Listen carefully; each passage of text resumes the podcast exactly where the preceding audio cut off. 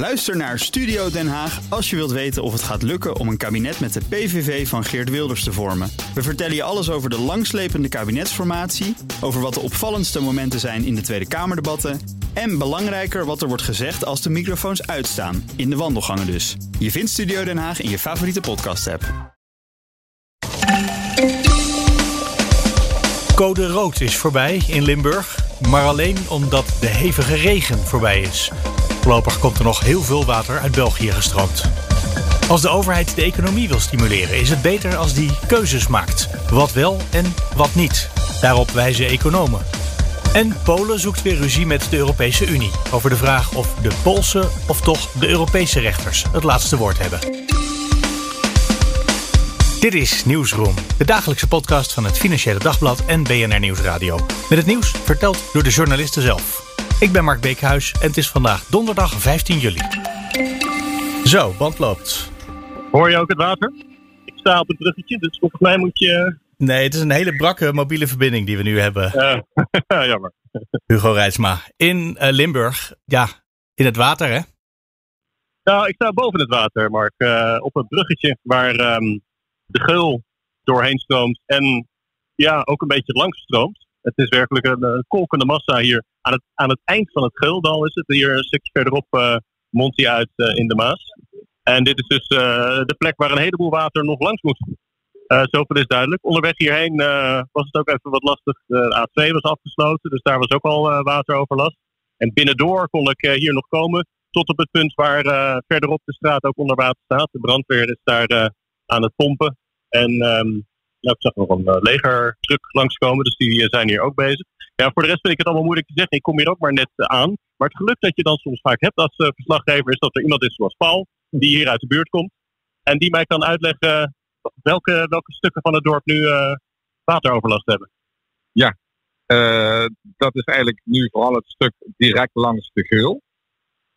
en er zijn wat delen van woonwijken die liggen ook vrij laag waar de geul uh, niet direct langs stroomt. Maar je ziet hier uh, het gebied naast de geul stroomt ook over. En die stukken van een woonwijk hebben dus ook overlast nu. Ja, ja. ja als je daar, uh, daar aan die kant of daar voorbij die brandweerwagen was, ja, hou je het niet droog? Nee, dan hou je het niet droog. En één dorp verderop, dus tussen Meersen en de Maas in. Ja. Daar heb je hetzelfde verschijnsel. Daar ben ik ook weer te kijken. En wel is ook een woonwijk aan het onderlopen. Ja, ja dat, uh, je hoort het maar. Het, uh, is, uh, het is echt ontzettend veel water dat hier langs komt. Gelukkig op dit moment even niet uit de hemel. Maar ja, het is allemaal op de grond. De code rood is er sinds vanmorgen af voor de enorme neerslag die daar was. Maar het bleef ja. wel gewoon nog regenen, hè? in ieder geval de ochtend. Ja, nou, ik had de grootste buien onderweg hier naartoe in Brabant. Uh, daar uh, kon het af en toe flink spoken. Dat was ook voorspeld. En uh, ja, nou, hier wat er nu uit de, uit de lucht komt, dat stelt niet meer veel voor. Ik geloof dat dat ook de voorspelling is, Paul, dat dat de goede kant op gaat, toch? Dat het droog ja, wordt. Ja, klopt. Die, die, die buienlijn die, die loopt eigenlijk ten westen van Limburg. Dus Brabant, Gelderland, die hebben nog wel zware buien. maar Limburg wordt gespaard. Uh, maar dat water wat vannacht en gisteren is gevallen, dat is eigenlijk nog een beetje onderweg naar de geul. Dus voorlopig blijft het nog wel uh, een hele hoge afvoer. Ja, ja, Hoewel je me net uitlegde dat je, dat je ziet eigenlijk het water aan de zijkant daar ja. terugstromen uh, in, in de beek. Dus dat, dat zegt eigenlijk dat het de goede kant op gaat. Ja, het gaat nu de goede kant op. Je ziet inderdaad het terugstromen. Ja. het water in de, in de rivier staat nu wat lager dan dan het basketbalveldje verderop. Dan het ja. basketbalveldje, ja. ja. Dus ja, het ziet er naar uit dat het de goede kant op gaat. Ja. Nou, hoopvolle, hoopvolle geluiden wat dat betreft, uh, Mark. Van Paul hier. Nee, precies, want er zijn straten die 40 centimeter onder water staan. Dan, zegt, dan sta je tot de knieën sta je in het water. Uh, uit, uit, Duitsland komen echt dramatische berichten. Daar zijn inmiddels um, acht doden gemeld zelfs. Ja. ja en uit Verviers hoorde ik uh, een koe die was weggespoeld door, ja, door de rivier die uh, buiten zijn oevers ging. En uh, ja. gewoon meegenomen werd door het water. En uh, de, de kon, kon zich daar niet tegen verzetten. Dat zijn natuurlijk hele dramatische dingen. En van die koe, maar zeker van die mensen ook die overleden zijn. Ja, en daarbij denk ik dan, als ik die verhalen hoor, uh, Paul, dat is stroomopwaarts, toch? Dat uh, België en, en, Duitsland, die gebieden, uh, is dat ja. niet allemaal water dat hier nog naartoe moet komen? Ja, nou vanuit Duitsland niet zozeer. Dat gaat ook bijna allemaal naar ofwel de Roer, en die, die, die gaat ten noorden van ons in de Maas uitkomen. Dus niet in Zuid-Limburg. En de grote bulk komt in de Rijn uit. Dus dat komt niet via Limburg binnen. Maar hier komt wel het water uit de Belgische Ardennen. Via de Maas binnen. En uh, de Maas staat ook echt op een enorme hoge waterstand. Ben ik ook wezen kijken vanochtend. En de, de schattingen zijn dat die, die waterstand ongeveer vanmiddag uh, op zijn hoogst zal zijn. En dan is die net zo hoog als die watersnood uit 1993 en 1995. Ja. Maar inmiddels hebben ze heel veel uh, afgravingen gedaan langs de Maas, zodat er meer hoogwater in past in die uiterwaarden. Dus uh, de problemen langs de Maas, die zullen waarschijnlijk niet zo groot zijn. Bij deze beekjes, die hebben die maatregelen niet gehad. Dus hier heb je dus wel grote kans op overstromingen. Ja. ja. Ja. hier dus, uh, en, en in de Roer noordelijker uh, komt er nog veel water uit Duitsland aan. misschien moeten we daar ook nog eens gaan kijken. Het lijkt er hier dus op dat het enigszins de goede kant op gaat. Ja, ik begreep dat in, uh, in de Maas, inderdaad, uh, in de buurt van uh, Borgaren, Itteren, daar vanavond op zijn hoogst gaat zijn. Ondertussen, want je zei, ik zie hier een, een legertruck en er zijn ook Brabantse brandweerlieden die te hulp zijn geschoten. Zie je daar mensen zich voorbereiden op het water wat nog vanuit België naar Limburg komt? Of zie je daar mensen met zandzakken bezig? Hoe ziet het eruit op straat? Ja, verderop uh, zie ik uh, rond de ingangen van huizen zandzakken liggen. Een stukje terug. Oh ja, bij de tuintjes. Daar, uh... Oh ja, daar, daar inderdaad. ik wou zeggen, daar houden ze het nog droog, maar daar is het water dus alweer weggetrokken. Zijn er ook mensen geëvacueerd uit het dorp, dat u weet? Nee, volgens mij niet. Nee, er is hier geen verzorgingstehuis dat zo heel laag ligt, zoals ja. in Valkenburg. Ja.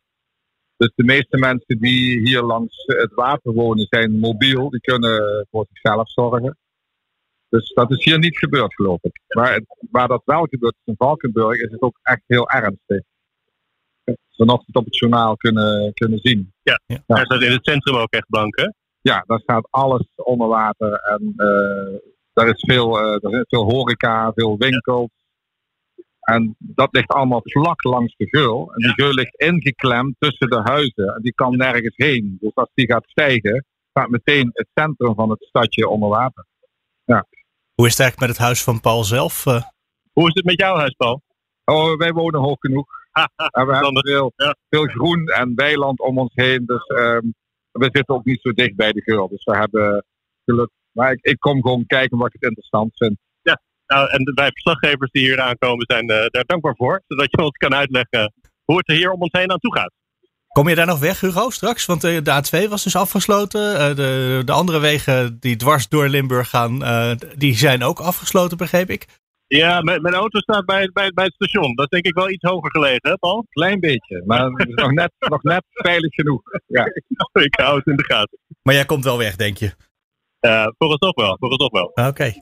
Hugo Reitsma, in, uh, in welk dorp zei je nou dat je was? Meersen. Meersen. Dankjewel. Graag gedaan. Hallo, Jasper Lucchese van ESB. Hoi. Vandaag is de nieuwe editie van het, uh, van het tijdschrift uitgekomen met als thema Na de steun. Jullie dachten natuurlijk de coronacrisis is voorbij. Dat dachten we allemaal een paar weken ja. terug. Je schrijft ook al in het voorwoord dat het eh, afbouwen van steun lastig is. Het is lastig uh, steun afbouwen omdat um, bedrijven zich instellen op die steun. Uh, dat ook verwachten. En als ze die dan niet meer krijgen, in de problemen komen. De overheid wil niet dat hele bedrijfstakken in de problemen komen. Dus die zegt, nou laten we die steun nog maar even voortduren.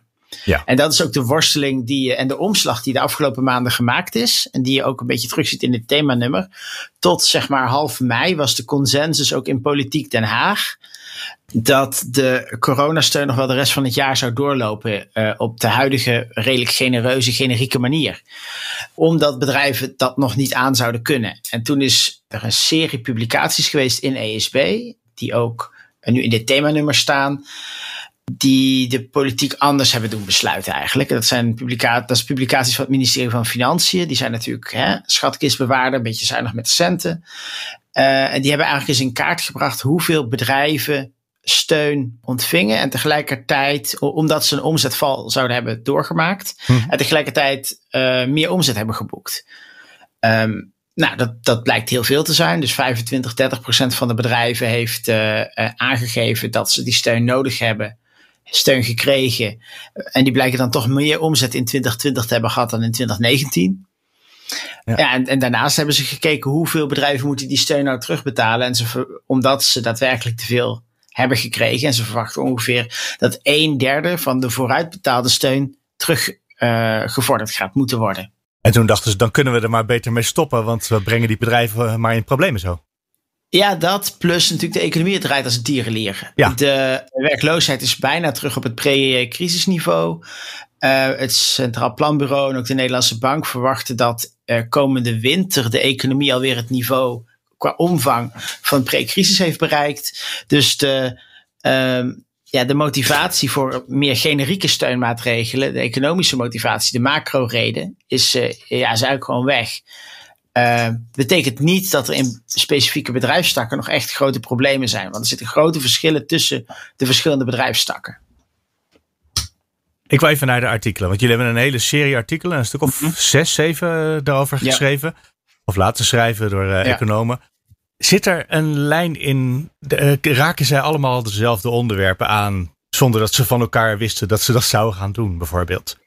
Nou, we hebben wel twee een beetje aparte thema's bij elkaar gezet. Omdat we dachten dat dat nuttig was. Dus het eerste, uh, het eerste deelthema is eigenlijk: is die steun goed besteed? Mm -hmm. Het tweede deelthema is: hoe moeten we daar nou mee verder? Dus ik heb mijn, mijn inleiding ook niet voor niks van steun naar stimulans genoemd. Want we uh, de consensus die uit het eerste deel ontstaat is, de steunmaatregelen waren, uh, waren heel ruim. Of die nou onterecht ruim waren, dat kun je niet zeggen op dit moment, maar ze waren wel ruim. Dat voortzetten daarvoor is geen, geen, goed, geen goede grond, geen goede argument. zijn geen goede argumenten, maar tegelijkertijd, het tweede deel is natuurlijk, ja, mensen er, is wel, uh, er wordt wel steeds meer naar de overheid gekeken om de economie ook te stimuleren. Om, om te zorgen dat we meer nou, meekomen met de digitalisering, dat de vergroening uh, um, en de verduurzaming uh, van ja. stal gaat, dat we daar ook nieuwe technologische ontwikkeling hebben, dat we dat ook in, in clusters en in bedrijvenclusters ontwikkelen. Hoe doen we dat nou op een goede manier? Dus het, het themanummer zoals wij het hebben samengesteld is eigenlijk een oproep om te stoppen met generieke steun en naar veel specifiekere stimulerende maatregelen te gaan kijken die, uh, waarbij de overheid een verschil kan maken omdat het bedrijfsleven het zelf niet doet. Ja, dan heb je het eigenlijk over gewoon beleid. Wat willen we als land? Wat vinden we ja. belangrijk? En dan gaan we dat proberen te stimuleren. Ja, dat deden we ook al toch voor de crisis. Dus wat dat betreft terug naar ja, af. Dat klopt wel. We hebben natuurlijk voor de crisis ook wel het groeifonds ingesteld. Ja. Uh, maar de, ja, de kritiek daarop is natuurlijk ook wel weer dat dat en heel eenzijdig gericht is op groei. Uh, en dat er onvoldoende focus in zit. Dus dat het, uh, de, de, kritiek op het groeifonds is vooral dat het een bestuurlijk probleem oplost en geen economisch probleem. Uh, ja. laat ik het op zo'n. Je zegt het diplomatiek. nou ja, kijk, politici vinden het lastig om het ondiplomatiek te zeggen, om zich voor de lange termijn vast te leggen om bepaalde grote investeringsprojecten te doen, terwijl ze er allemaal over eens zijn dat die moeten gebeuren. Nou, wat doe je dan? Dan zet je het in een apart fonds waar je uh, een bestuur op zet wat geen politici zijn en die mogen dat dan beslissen. De politici moeten daar dan van wegblijven. Ja. Dat maakt het een stukje lastiger voor politici om die projecten te stoppen of voor hun opvolgers om die projecten te stoppen. Ja, oké. Okay, maar dat is in ieder geval het, uh, het, dat het, groeifonds en dat blijft sowieso, want dat staat, dat was al geregeld. Ik pak al even de eerste paar titels erbij, die zo op mijn scherm nu ook staan. De dominantie van de overheid in het economisch proces moet stoppen. Ja. Een heldere, uh, weinig subtiele headline uh, bedacht door Arnaud Boot.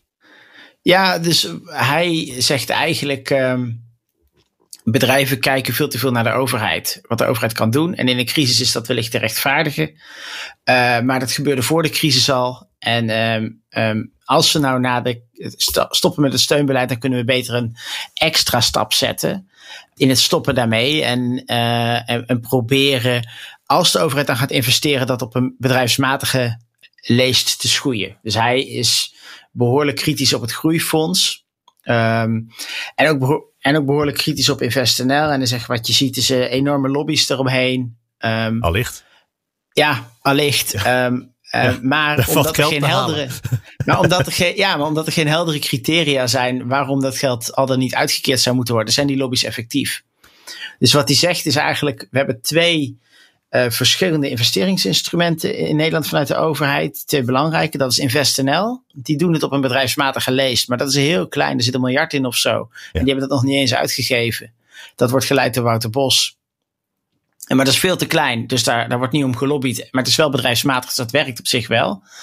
Um, en het tweede is, je hebt dat, dat groeifonds. Uh, dat is gewoon subsidies. Dat is helemaal niet bedrijfsmatig. En daar moet je een beetje een verhaaltje hebben dat het bijdraagt aan groei. Maar hoe hard dat is, is een beetje onduidelijk. Dus dat is enorm toegankelijk voor lobby's. Er zit ook 20 miljard in, veel geld. Dus wat hij eigenlijk zegt is, maak dat geld van het groeifonds naar over naar InvestNL. En investeer het op een bedrijfsmatige manier aan de. En zorg dat het dan geïnvesteerd wordt in projecten die maatschappelijk, uh, um, die, die, die de maatschappelijke doelen van nu uh, uh, nodig hebben. Dat is niet per se economische groei, zegt hij, dat is veel meer de klimaattransitie. Als je het zo formuleert, klinkt het eigenlijk toch vooral als een mening. Hè? En ik vind het niet zo, ja, ik vind het niet gefocust genoeg. Je kan ook zeggen, nou, dat wil ik ook helemaal niet als beleid. Ja, is, nee. is, het een, is het meer een opiniestuk of ook wel echt een analyse van de situatie in, in het land? Nou, kijk, wat hier natuurlijk in doorklinkt is zijn, zijn mening. Daarom schrijft hij dit ook op. Maar de, de onderliggende argumenten. Um, dat door de manier waarop het fonds is ingericht, het open staat voor lobby's. Ja, dat komt gewoon um, ja. uh, uit wat we weten en het onderzoek wat gedaan is dit soort fondsen in het verleden. Ja. Uh, de, het idee dat als je dat bedrijven afhankelijk worden van de overheid, um, als je uh, ze steun biedt Um, en dat dat uh, zelfbestendigend is, ja, dat, dat hebben we ook in het verleden keer op keer op keer gezien. Dus het is, het is, hij maakt zich hier zorgen om, hij schrijft dit op, maar hij heeft er natuurlijk wel de argumenten en het onderzoek bij. De voetnoten zijn allemaal netjes verantwoord, nee, dat snap ik. ja. Want de vraag is natuurlijk, uh, en we zitten steeds een beetje op de, de grens van die twee onderwerpen die je beschreef. Ja. hoe liep de steun? De steun was ruim en de steun was ook effectief. Maar hoe gaan we nu verder? Nou, stimulans, om het woord uit jouw intro er even bij te pakken. Als je die stukken leest, komt daar een beeld uit hoe we die stimulans vorm moeten gaan geven in de komende jaren? Of in, misschien vanaf nu al? Uh, ja, dus er zijn. Um, de, de, verschillende stukken benoemen verschillende aspecten. Ik denk het belangrijkste uh, aspect hebben we het net al besproken: hè, dat, het, um, dat je dat toetsbaar en enigszins bedrijfsmatig wil doen. Mm -hmm het andere belangrijke aspect is dat het uh, zich moet richten op maatschappelijke doelen die niet vanzelf tot stand komen. Want als het vanzelf tot stand zou, zou komen, dan gaat het bedrijfsleven het gewoon doen. Dan hoeft de overheid het natuurlijk niet te doen, want dan is er gewoon geld te verdienen. Mm -hmm. um, vanuit perspectief van de overheid vanzelf. Ik bedoel, daar gaan natuurlijk ondernemers instappen die werken daar keihard voor. Dat is niet vanzelf, maar dat betekent in ieder geval dat de overheid niks hoeft te doen. Dus eigenlijk komen we dan toch terug bij dat uh, herstelfonds. Dat we toch de politiek misschien wel via artikelen zoals deze uh, aan moeten zetten tot het maken van keuzes. Van wat willen we? En ja. daar dan op inzetten. Maar kijk, die keuzes zijn natuurlijk aan de politiek. Hè. Wil je, zet je het in op klimaat? Je ziet het heel goed in de discussie van gisteren naar dat uh, plan van Timmermans. Ja. De, de Nederlandse eurocommissaris die over uh, verduurzaming gaat. Die heeft een heel ambitieus plan om de CO2-uitstoot fors te reduceren. Kost een hoop geld. Um, en je ziet direct dat het Europees Parlement uh, maar ook de verschillende kranten schrijven. Ook het FD schreef dat uh, vandaag. Let nou op, dit wordt duur. Uh, mensen gaan heel veel betalen. Dus je ziet direct de, de doelen um, strijdig zijn met elkaar. En dat zijn wel de politici die die doelen moeten kiezen. Maar vervolgens, als je kiest, voer het dan ook uit. Dat, dat is denk ik ook meer de boodschap hier.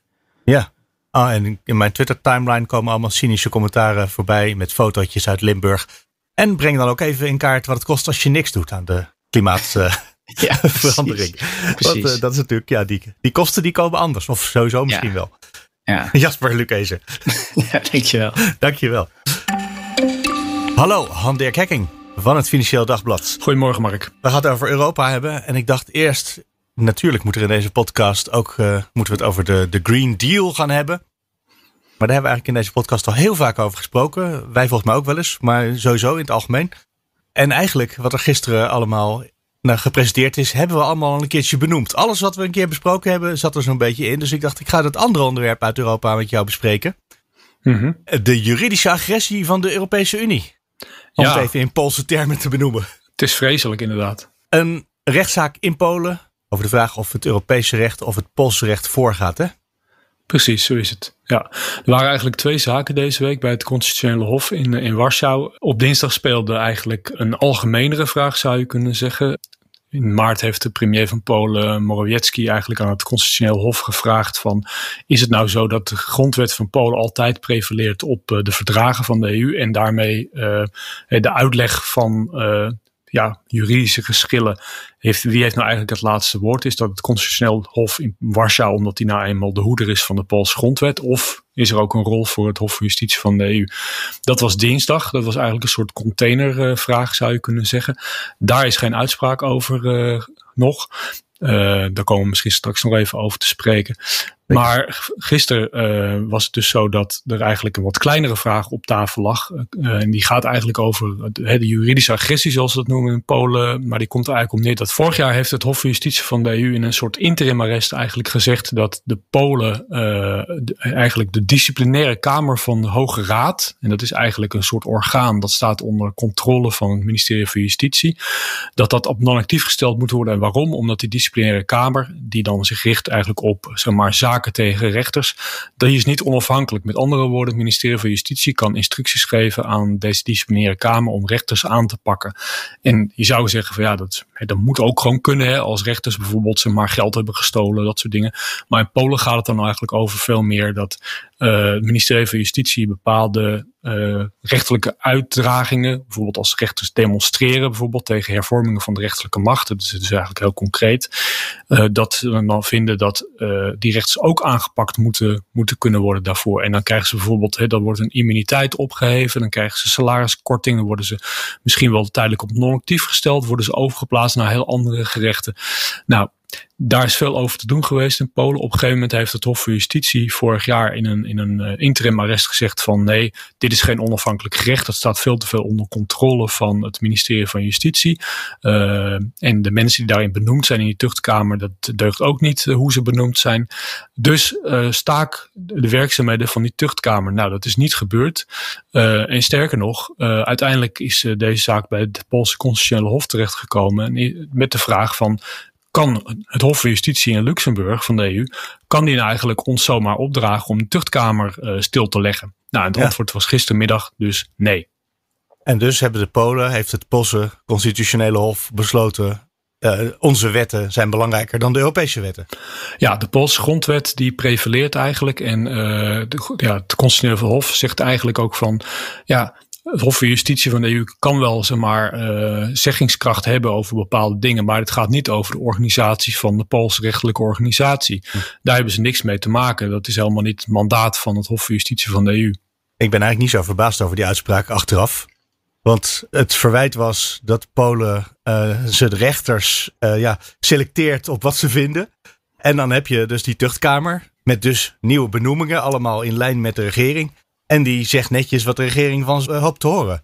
Eh allicht. Dit is precies het verwijt vanuit Brussel. Of eh, nou ja, dit is natuurlijk niet Brussel, maar waar zitten ze? Luxemburg. In Luxemburg, ja. Ja. Het is het verwijt vanuit, het, vanuit Luxemburg naar Polen. Dat wordt hier ingevuld. Nee, klopt. Het probleem is ook met hetzelfde constitutionele hof dat hij deze uitspraak nu gedaan heeft. Dat ook daar geldt van dat uh, met name 2015, 2016 daar een aantal benoemingen zijn doorgedrukt uh, van regeringsloyale rechters of zelfs gewoon politici die tot rechter zijn benoemd, uh, regeringsgetrouwe politici of zelfs lid van die partij. Ja. En daardoor geldt ook in feite dat dat constitutionele hof dat nu deze uitspraak doet, ja, het is een soort slager, zeg maar, die het eigen vlees van de regering keurt. Uh, dus ook ja, de onafhankelijkheid van het constitutionele hof, die staat eigenlijk nou ja, niet eens meer ter discussie. Niemand neemt dat constitutionele hof eigenlijk echt serieus als onafhankelijk gerecht. Althans, uh, als, je, als je niet van de regering bent uh, in Polen. De rest, die doet het wel, de rest van de wereld doet het eigenlijk niet. Is het erg dat de Polen dit uh, in hun eigen land doen? Ik bedoel, het is twee landen verderop. het is weliswaar Europa, maar gaan wij daar hier last van hebben?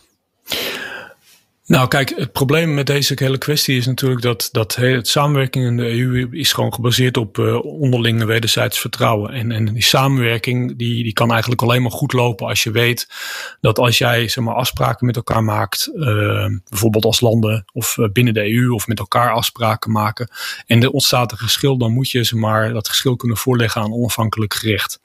Als het gaat om het uitleggen van Europees recht, dan is dat het Hof van Justitie, dan is dat eigenlijk de, de hoogste rechtelijke instantie. Als het nou zo is dat, dat Polen zegt van ja, maar gaan, wij gaan over bepaalde uh, zaken gaan we zelf. Daar prevaleert de Poolse grondwet. En vervolgens worden die uitspraken dan gedaan door een niet onafhankelijk hof.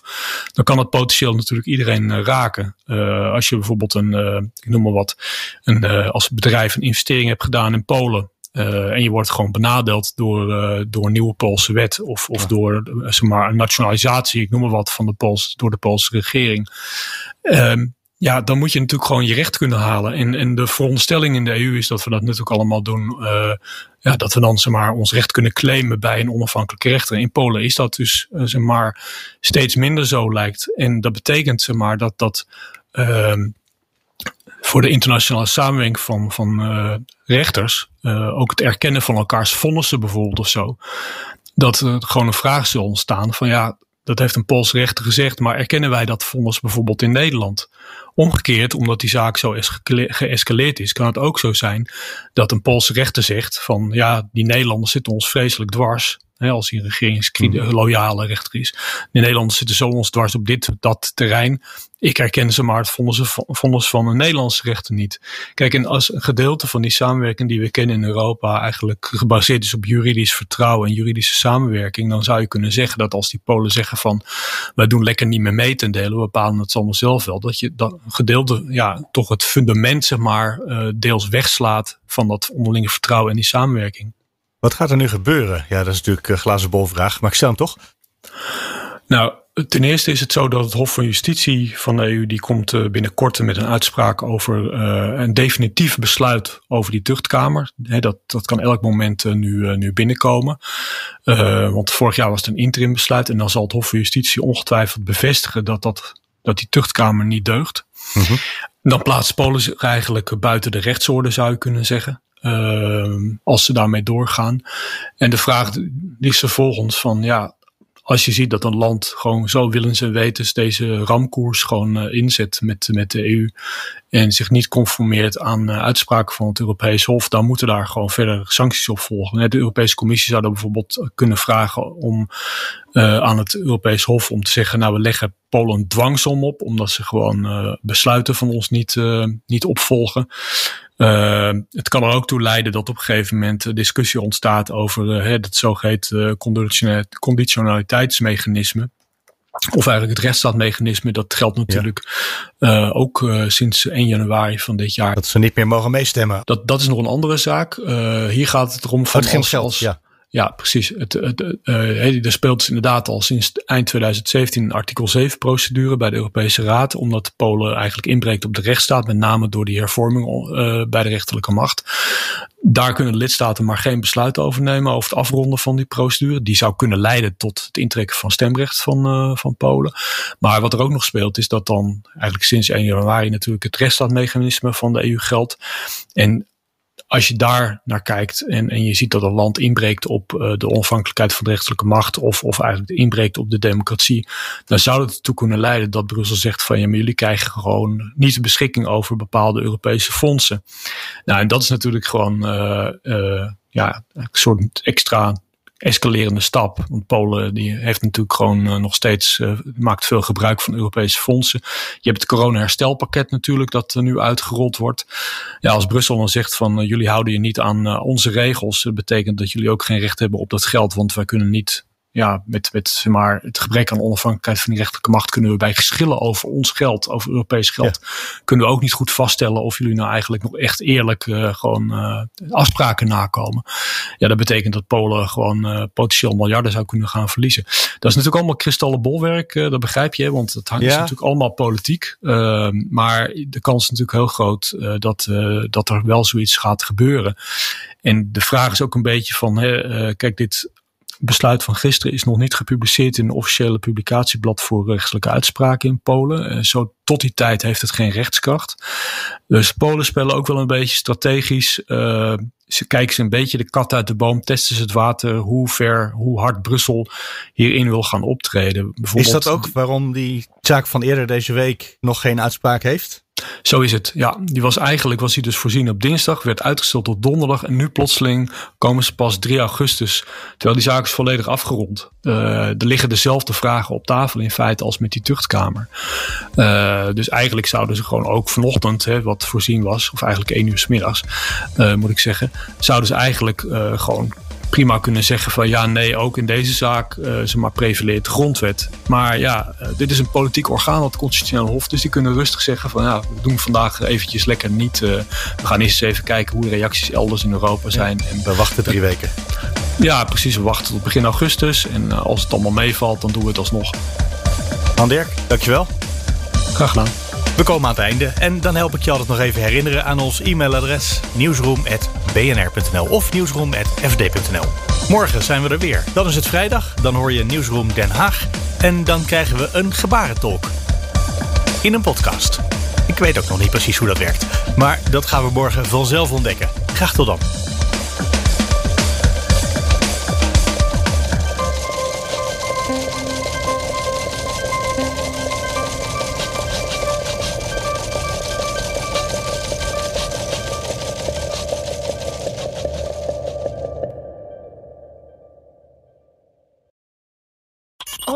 Ook Liesbeth Staats vind je in de BNR-app. Ja, heel handig. Luister live naar Kees en mij tijdens de Daily Move. Dan blijf je ook gelijk op de hoogte van breaking news en het laatste zakelijke nieuws. En daar vind je ook alle BNR-podcasts, waaronder de Perestrooikast. Download nu de gratis BNR-app en blijf scherp.